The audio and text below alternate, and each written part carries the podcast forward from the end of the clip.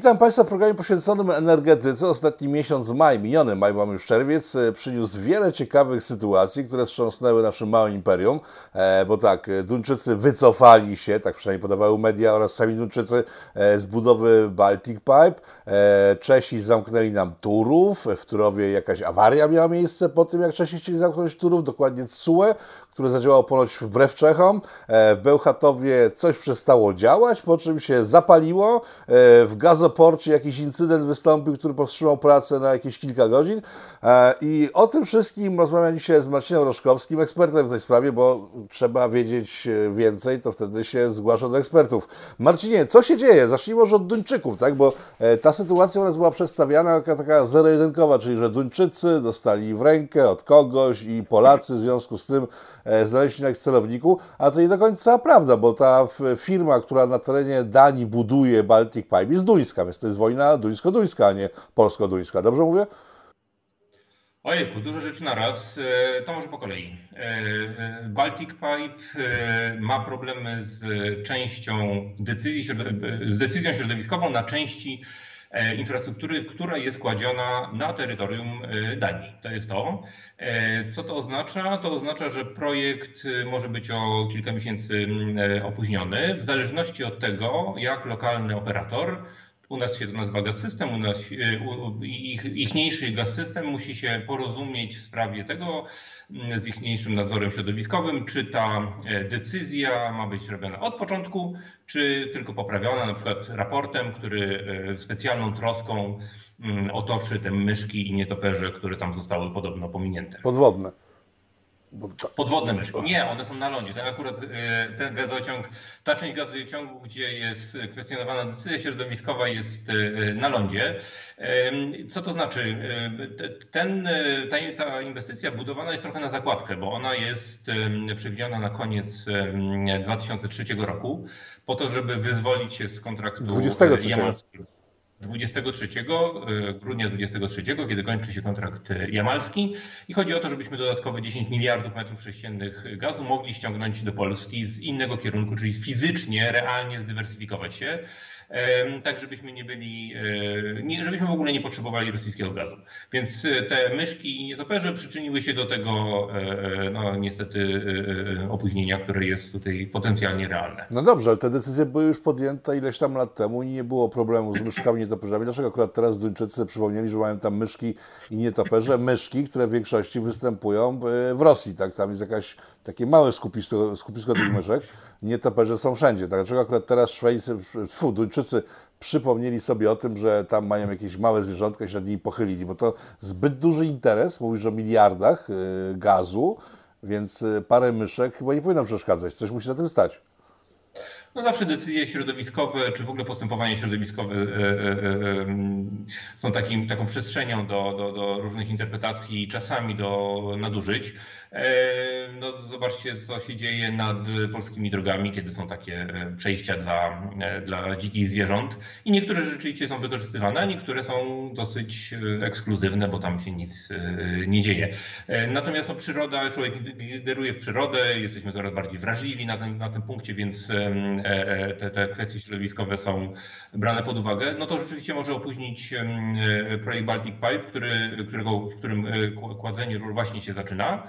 E, natomiast e, ten projekt ruszy moim zdaniem i tutaj, e, jeżeli wystąpi opóźnienie z ukończeniem tej inwestycji, to mamy alternatywy, mamy magazyny energii, mamy połączenia transgraniczne, więc przez ten okres trudny sobie poradzimy. W tym roku się trudno sobie poradzimy. Natomiast widać, że infrastruktura gazowa jest w obiekcie zainteresowania także myszek i tak jak słusznie zauważyłeś, te myszki w główna część tych myszek mieszka w Rosji. Mhm. No dobrze. Serio, zobaczcie na Wikipedii, naprawdę. E, część ekspertów mówi, że jest to związane z jakąś ustawą leżącą w Polsce odłogiem. Minister Gowin ponoć nie pochylił się nad nią na czas. E, ustawa mówi o poszerzeniu chyba przestrzeni czy zmniejszeniu przestrzeni potrzebnej, żeby postawić wiatraki. Duńczycy są eksporterami wiatraków i to ponoć to jest e, powód, dla którego z, tak zagrali dzwoneczkiem, że jeśli nam nie dacie Polacy stawiać u was naszych wiatraków, no to właśnie będzie ten 2023 rok za chwilę i możecie się budzić z ręką w nocników. Jak to widzisz? No tutaj e, rzeczywiście w tym, e, w tym miesiącu, w tym tygodniu w zasadzie dużo rzeczy się wydarzyło istotnych dla energetyki. Ty wspomniałeś o ustawie tak zwanej 10H. To, to była taka ustawa, która na początku rządów dobrozmianowców uniemożliwiła de facto budowę, lokalizację turbin wiatrowych. Kilka tysięcy lokalizacji zostało za, za, zablokowanych, dlatego że nie dało się, czy nie da się pozyskać pozwolenia na budowę decyzji środowiskowej na turbiny, które są zlokalizowane, czy były do tej pory zlokalizowane 10 wysokości wiatraka od, od zabudowań. To zadziałało też w dwie strony, bo nie można było koło wiatraków budować e, budynków mieszkalnych. Natomiast rzeczywiście ten rynek ma być odblokowany 4 już skończyły się konsultacje 4 e, albo 5 czerwca jeżeli chodzi o e, ustawę właśnie wiatrakową, nowelizację tej ustawy. E, no i to jest ustawa, która w pewnej przestrzeni dopuści też firmę duńską Vestas, która, która do tej pory skutecznie dostarczała turbiny do Polski. Czy to jest ze sobą powiązane? No, zobaczymy. No, miejmy nadzieję, że akurat nasze czynniki rządowe nie wiązały tych dwóch rzeczy bo zarówno jedna, jak i druga rzecz e, e, ma swoją dynamikę, ale też swoje, e, że tak powiem, trudności. Akurat jeżeli chodzi o jeden i drugi projekt, czy, czy odblokowanie wiatru na lądzie oraz dostarczenie gazu z, nie z Rosji, to są bardzo ważne elementy i trzeba je doprowadzić do skutku, mhm. do końca szczęśliwego. No dobrze, jakie inne powody mogli mieć Duńczycy, żeby wyciągać myszy z rękawa, oprócz tej ustawy, o której mówimy? Racjonalne. Może być dużo, bo e, słyszymy tutaj w tekście na naszym Biznes Alercie też pisze o tym e, Bartek Sawicki, wicenaczelny e, portalu, o tym, że kilkuset rolników, na których działkach ten wykup pod infrastrukturę gazową miał mieć miejsce. Przy okazji nowej decyzji środowiskowej będą mogli renegocjować ceny. E, więc e, tutaj na pewno interesariuszy jest dużo. Na pewno też e, naszym wschodnim sąsiadom zależy na tym, żebyśmy mieli czym się zajmować, żeby w energetyce, która jest w wielu przestrzeniach w kryzysie, żebyśmy, mm, że tak powiem, co chwila bujali tą łódką, czy ta łódka w Polsce była bujana. Więc tutaj dużo, dużo spokoju trzeba zachować, dlatego że wszystkie te projekty powinny po prostu iść do, do przodu. E, tutaj mamy jeszcze Turów i Bełchatów, jest dużo elementów, które wspólnie grają, e, bo e, na końcu takie elektrownie jak ta, która jest Bogatynia Turów, czyli odkrywka z kopalnią, odkrywka z elektrownią połączona, czy w Bełchatowie, to są miejsca, które zapewniają na dzisiaj dwadzieścia kilka procent energii elektrycznej w polskim systemie. Więc nie ma możliwości, żeby nagle wyłączyć tego typu E, instalacje, mimo tego, że są bardzo mocno e, emisyjne i to jest jedna z najdroższych teraz, jeżeli nie najdroższa energia, jaką mamy w polskim systemie elektroenergetycznym. Natomiast takiej dziury na jedną czwartą e, mocy nikt na to nie może sobie pozwolić. E, jakby ta transformacja energetyczna to jest, to jest jedna rzecz, natomiast no, nie możemy doprowadzić do sytuacji, kiedy Czesi na przykład e, decyzjami unijnych trybunałów próbują nam wyłączyć kopalnie albo przynajmniej e, sprawić, że ich kopalnie, które w promieniu 100 metrów, 100 kilometrów od Turowa się znajdują, będą dostarczać tam koleją własny węgiel. Więc naprawdę to jest, to był trudny czas dla energetyki. O co chodziło z Turowem tak naprawdę? Bo Czesi wyglądali na zaskoczonych reakcją CUE. A faktycznie tak było, czy to, czy, czy, to, czy to po prostu jest gra z ich strony? Bo przyjąłem tą sytuację, kiedy CUE powiedziało, że trzeba zamknąć te, te, te bloki energetyczne. E, opozycja nasza oczywiście powiedziała tak, trzeba natychmiast zamknąć. E, polski premier kilka dni później powiedział, że wszystko jest ustalone i Czesi wycofują się z blokady, na co e, czeski premier, jak się tego obudzi, powiedział, nie, nie, nie, nie, rezygnujemy z blokady. O co tam chodziło i na czym, na polega konflikt interesów? Bo tak powiedziałeś, jest polski Turów, tam są po czeskiej stronie dwie albo trzy, zdaje się, kopalnie, ale po niemieckiej stronie jest tam cała masa. To nakropkowane jest ba ba bardzo mocno. O co chodziło z Turowem? No to jest kilka rzeczy, które warto e, e, e, przeanalizować. Pierwsza jest taka, że czeska polityka jest bardzo mocno zoligarchizowana. Taki czeski premier ma dwie z trzech największych gazet i chyba 10% ziemi rolnej w Czechach. To znaczy, że jest zainteresowany na przykład e, tym, jak e, żywność polska jest eksportowana na terytorium jego państwa, ale także inni oligarchowie, mm, e, o czym na przykład pisałem już chyba ze dwa miesiące dla Onetu, Inni oligarchowie posiadają fizycznie udziały w kopalniach zarówno dwóch na południe od Turowa, jak i jednej na terenie Niemiec, które są w odległości mniejszej niż 100 km i akurat są dobrze infrastrukturalnie dobrze połączone koleją, akurat w odróżnieniu od Bełchatowa można dowodzić tam węgiel. No i teoria jak teoria, natomiast widać, że, że tutaj nie mamy sytuacji prostej, dlatego że ten pretekst o to, że kopalnia węgla brunatnego obniża poziom wody, dotyczy jednej miejscowości. Akurat my tam mamy też biuro niedaleko, więc nasi współpracownicy pojechali do tej miejscowości. Tam jest mniej niż 20 domków które są na górce i tam nie ma wody. Tam też nie ma wody, dlatego że tam jest żwirownia po drodze między y, nimi a kopalnią w Turowie, ale nie, niezależnie od wszystkiego zostało to potraktowane jako pretekst e, i widać, że skuteczny. Natomiast y, no, polski rząd nie, nie, nie, nie może zamknąć teraz e, e, tego bloku, tych bloków w Turowie. Po pierwsze, jeden został ostatnio oddany, a to jest 1500 MW mocy zainstalowanej. To jest, to jest nie największy, ale to jest jednak duży kawałek polskiego systemu elektroenergetycznego. Ale dochodziły informacje, że po tej próbie zamknięcia Turowa tam doszło do jakiejś awarii. To są potwierdzone informacje?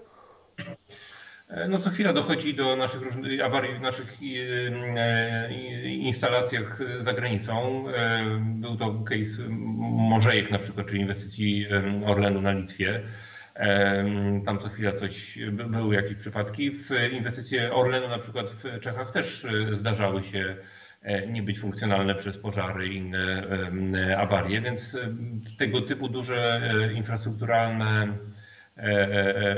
źródła, w tym wypadku wytwarzania energii, no mają swoje, że tak powiem, swoją dynamikę, no i wielokrotnie padają a to mm, e, e, ofiarą po prostu awarii i usterek, a czasami e, nie należy wykluczyć interwencji osób trzecich. Czy tutaj był taki case? Nie wiem, natomiast dobrze wiemy, że niektórzy nasi sąsiadzi, akurat nie, nie, nie południowi, ale są bardzo mocno zainteresowani E, sprawnym, ale w zasadzie niesprawnym funkcjonowaniem e, e, rządu w Polsce i polskiej infrastruktury energetycznej. Jak tak patrzymy na energetykę tylko stricte, to tego strasznie dużo jest. Aktywiści potrafią sobie wejść do jakiejś elektrowni, przykleić się do, do kominów i zawsze w tym momencie pojawia się u mnie pytanie, gdzie jest ochrona kontrwywiadowcza tego typu obiektów, bo to są obiekty strategiczne. Czy nasza energetyka, która jest strategiczna absolutnie w, w, w każdym celu, jest chroniona kontrwywiadowczo przez państwo? Czy to jest tylko tak, że to jest kopalnia, to jest elektrownia e, i to oni są zdani tylko na siebie, ci ludzie, którzy to e, obsługują. No nie, nie są zdani na, na siebie. Ja to akurat y, przytoczę moje doświadczenia, jak jeszcze pracowałem dla administracji dla, w Kancelarii Świętego Pamię Świętej Pamięci Lecha Kaczyńskiego. No, wszystkie rzeczy infrastrukturalne, szczególnie te duże, były e, przedmiotem zainteresowania organizacji odpowiedzialnych za bezpieczeństwo w Polsce. E, I na pewno to, to, to się nie zmieniło. Natomiast e, problem jest taki, że z jednej strony mamy interwencje czy rynkowe, czy, czy, czy fizyczne z zewnątrz i to się zdarza. Mamy też polityków, którzy nie wszyscy, nazwijmy to delikatnie, rozumieją proces, w którym występują. Występują jako politycy i decyzje, które podejmują, wielokrotnie są po prostu szkodliwe dla, dla tego rynku. Na to nakładają się różne regulacje energetyczno-klimatyczne z Unii, z e, agent ONZ-owskich. I z całego tego e, e, mieszania mamy system, w którym musimy mieć prąd w gniazdku. I jest coraz trudniej, coraz drożej i jeszcze będzie drożej. Natomiast jest coraz trudniej, żeby to był prąd wytwarzany w Polsce, bo w wyniku braku strategii mamy sytuację, w której na przykład lawinowo do Polski rośnie import energii bo okazuje się, że po prostu nie umiemy wytwarzać taniej energii e, e, e, i to tyle. No. Co też wiąże się z kolejnymi niebezpieczeństwami. To ma związek z opłatami klimatycznymi, czy to jest szersza sprawa, te podwyżki cen energii, brak możliwości lub umiejętności wytwarzania w Polsce? W takich miejscach jak Bełchatów, który jest bardzo mocno emisyjny, bo tam emisja na 1 MWh jest ponad 1000, 1100-1200 kg CO2, E, każdy z tych kilogramów kosztuje po, e, każdy z tych ton kosztuje po 50 e, kilka euro. To powoduje, że teraz w cenie węgla brunatnego te opłaty klimatyczne są największym kosztem. Natomiast to są też problemy takie jak dosyć nieudolne reformy systemu elektroenergetycznego poprzez rynek mocy, który został wprowadzony przez świętej pamięci Ministerstwo Energii który teraz kilkadziesiąt złotych też dodał do, do naszych rachunków a to są e, pieniądze, które zostaną przeznaczone na inwestycje w konwencjonalne źródła węglowe i gazowe, więc e, ta słynna Ostrołęka C też była w rynku mocy. Więc e, tutaj akurat politycy mają niespójne, niestety niespójne podejście tej strategii tak naprawdę nie do końca, ona nie, nie do końca jest realizowana, nie do końca jest. I są takie oczywiście miejsca jak nie wiem, Ministerstwo Klimatu i Środowisko, które próbuje z tego jakoś ogarnąć to, co się da zebrać tam, gdzie da się zrobić konsensus i trochę pchnąć sprawy do przodu. Natomiast nie ma takiego cara, jak to mówią Amerykanie, czy, czy takiego Firera, jak mówią Niemcy, który w energetyce powiedział, co trzeba zrobić i, i złamał pewien opór, bo ta resortowość w polskiej polityce, Ministerstwo Aktywów negocjuje, e, e, negocjuje e, z górnikami, co tak naprawdę tylko będzie powodowało wzrost cen energii, ale w ramach wymiany rząd dostanie spokój wśród tej grupy społecznej. Więc jakby trochę jest Polska resortowa, trochę bez planu. Ostatnie półtora roku jest trochę, jest trochę lepsze niż to, co mieliśmy w, za, za czasów pierwszej kadencji Zjednoczonej Prawicy, bo jakby ta świadomość, co wpływa na ceny energii, co jest e, problemem e, i wyzwaniem już, już, już gdzieś tam jest, natomiast to cały czas jest jeszcze no, trochę bez strategii. Te, te, te, to, to, co mamy, jest wynikiem pewnych zgniłych kompromisów. Mhm. Spokój społeczny kupiony za pieniądze podatników, czyli za nas wszystkich. No tak do nas wszystkich, bo to jest też tak, że zobacz, e, to, że grupa 62 tysięcy e, osób, która pracuje pod ziemią w, w kopalniach węgla e, kamiennego, nie wychodzi nie strajkuje, powoduje to, że mamy, to też przez opłaty klimatyczne, ale mamy najwyższą, mamy wyższą cenę hurtową energii niż na przykład w Niemczech i przemysł w Polsce płaci za energię więcej niż przemysł w Niemczech. Okej, okay. E, wrócę na chwilę do tego Turowa. Czy Czesi, oligarchowie czescy faktycznie e, są w stanie pójść tak kompletnie po bandzie w imię własnych interesów, żeby wyłączyć Polsce 20% e, mieszkań od energii, prądu i tak dalej? Czy to był blef obliczony na, po prostu na, na łapówkę w postaci wspólnych projektów, na które Polska przeznaczy ileś tam milionów euro? No to, że tam jakiś e, taki ekran ma być wybudowany pod ziemią, e, rozumiem dla krecika, żeby tam sobie krecik coś oglądał pod ziemią. Jest oczywiście no, z punktu widzenia biznesowego no, nie jest największym, to nie jest taki deal breaker dla elektrowni w, w Bogatyni. Natomiast e, tutaj widać, że, że, że, polityka energetyczna jest wykorzystywana do, do gry międzynarodowej. Akurat nie wiem, czy zwróciłeś uwagę, ale e, Niemcy nie są bardzo głośni w tym e, sporze, bo też mają e, swoje kopalnie węgla brunatnego, który jak już wszyscy wiemy jest najbardziej emisyjny i najdroższy. No ale no niestety. No, no ale, wy, ale wyrok TSUE, wyrok był, wyrok był bardzo w, po linii niemieckiej, prostu, bo wyłączenie Polski później Czech robi Niemcom bardzo dobrze. Dlatego się może nie odzywają kompletnie. O po co, skoro robione jest Więc... im dobrze? w energetyce jakby problemy są, y, może uproszczę to. Y, system, który jest planowany w Unii Europejskiej, to jest odwrócenie tego, co mamy do góry nogami. Rozproszenie energetyki, e, zrobienie takich przestrzeni, klastrów, wysp energetycznych, które się będą same bilansowały, a nie stawianie dużych klocków, które produkują, dużych fabryk energii, które budują energię na środku pola. I teraz, y, żeby do tego do, do, doprowadzić, mamy taki, taką, taki, taki trade-off, taką wymianę. Y, z jednej strony energetyka w każdym państwie jest bardzo mocno regulowana, czasami też upaństwowiona, y, ale też to się bierze z tego, że tak robią inne państwa. Żeby rywalizować, no też te, te, te wodze, tutaj wolny rynek nie jest wprowadzony. I to działa w dwie strony, tak? No, wszystko się nawzajem na, na, napędza. E, czy to dobrze działa? No na razie jeszcze dobrze działa, natomiast ilość tych różnych kryzysów czy kryzysików, które się nakładają, no jest coraz większa niestety. E, w 2015 roku mieliśmy do czynienia z, e, z wyłączeniami, bo system elektroenergetyczny nie dał rady z upałami. Teraz udało, się przy, chyba w Kozinicach była awaria i udało się systemowi dostosować do, do, do, do, do potrzeb. Była też awaria transformatora w Rogowcu, który pobiera energię z, z większości bloków z Bełchatowa. Więc na razie ten system jeszcze działa i rzeczywiście są tam osoby, które jeszcze wiedzą, co się dzieje. Natomiast tutaj potrzeba dużych i poważnych decyzji politycznych żeby zdecydować, czy budujemy atom, czy nie, e, czy jak ten miks ma wy, wyglądać, czy Polacy sami sobie na dachach mają produkować energię i na fabrykach, e, czy państwo i w jakim zakresie tutaj będzie brało w tym udział. Bo na razie mamy takie trochę silosy, w którym e, jest jedna spółka gdzieś tam na południu i ona zajmuje się tak naprawdę w pierwszym tygodniach czy miesiącach obsadzeniem nowych dyrektorów i prezesów, którzy się muszą wszystkiego nauczyć zamiast y, myśleć o strategii i zrobieniu, zrobieniu y, po prostu procesu, który doprowadzi do tego, że będziemy energię po konkurencyjnej cenie, a energia nie jest tylko towarem, który jest składnikiem ceny, ale też jest takim elementem, nazwijmy to, cywilizacyjnym. Bez energii nie wyobrażamy sobie naszego y, życia, komunikacji, w ogóle wszystkiego. Mhm. E, Bełchatów na koniec został. Tam też doszło do awarii, e, która dość e, duże miała reperkusje. Kiedy się wyglądała, została zażegnana ta, ta, ta, ta sytuacja. Jeszcze do tego wszystkiego wybuchł pożar. No jest pytanie, czy te nasze obiekty strategiczne są w dobry sposób, nie wiem, nie to, że kontrolowane przez konwyjat, jak mówiliśmy, tylko dobrze użytkowane, skoro do takich dużych awarii dochodzi. I ten maj był takim zagęszczeniem bardzo, bardzo dużym.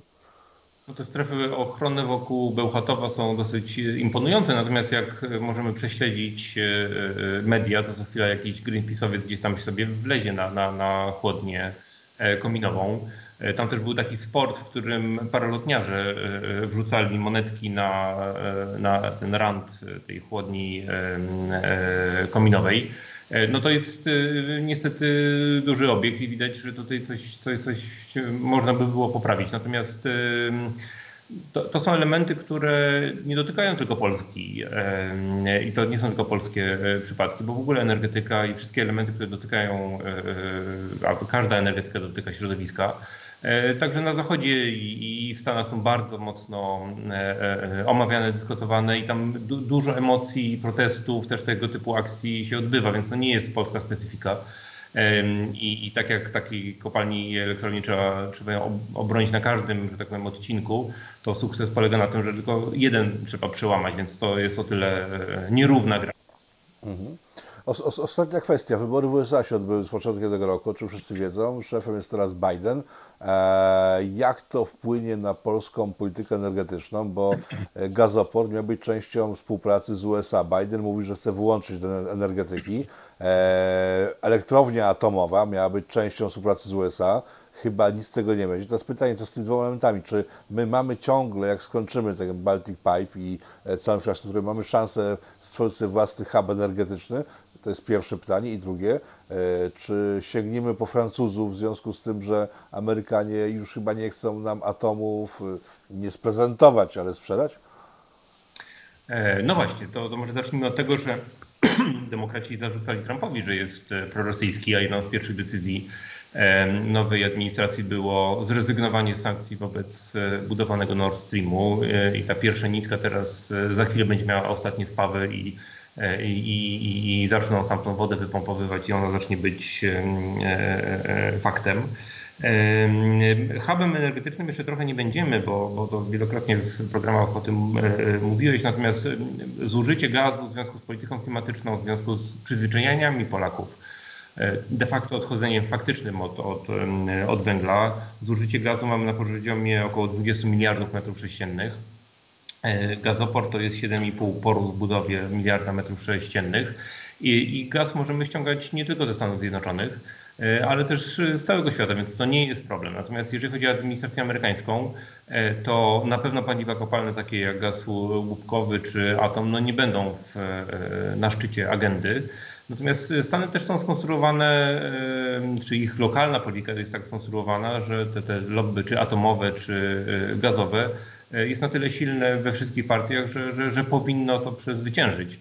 Stany Zjednoczone, ich obecność tutaj, oprócz kwestii obronnych, ta, ta, ta kwestia energetyków, jak ładnie mówisz, jest drugim, drugą nogą i drugim filarem ich tutaj obecności.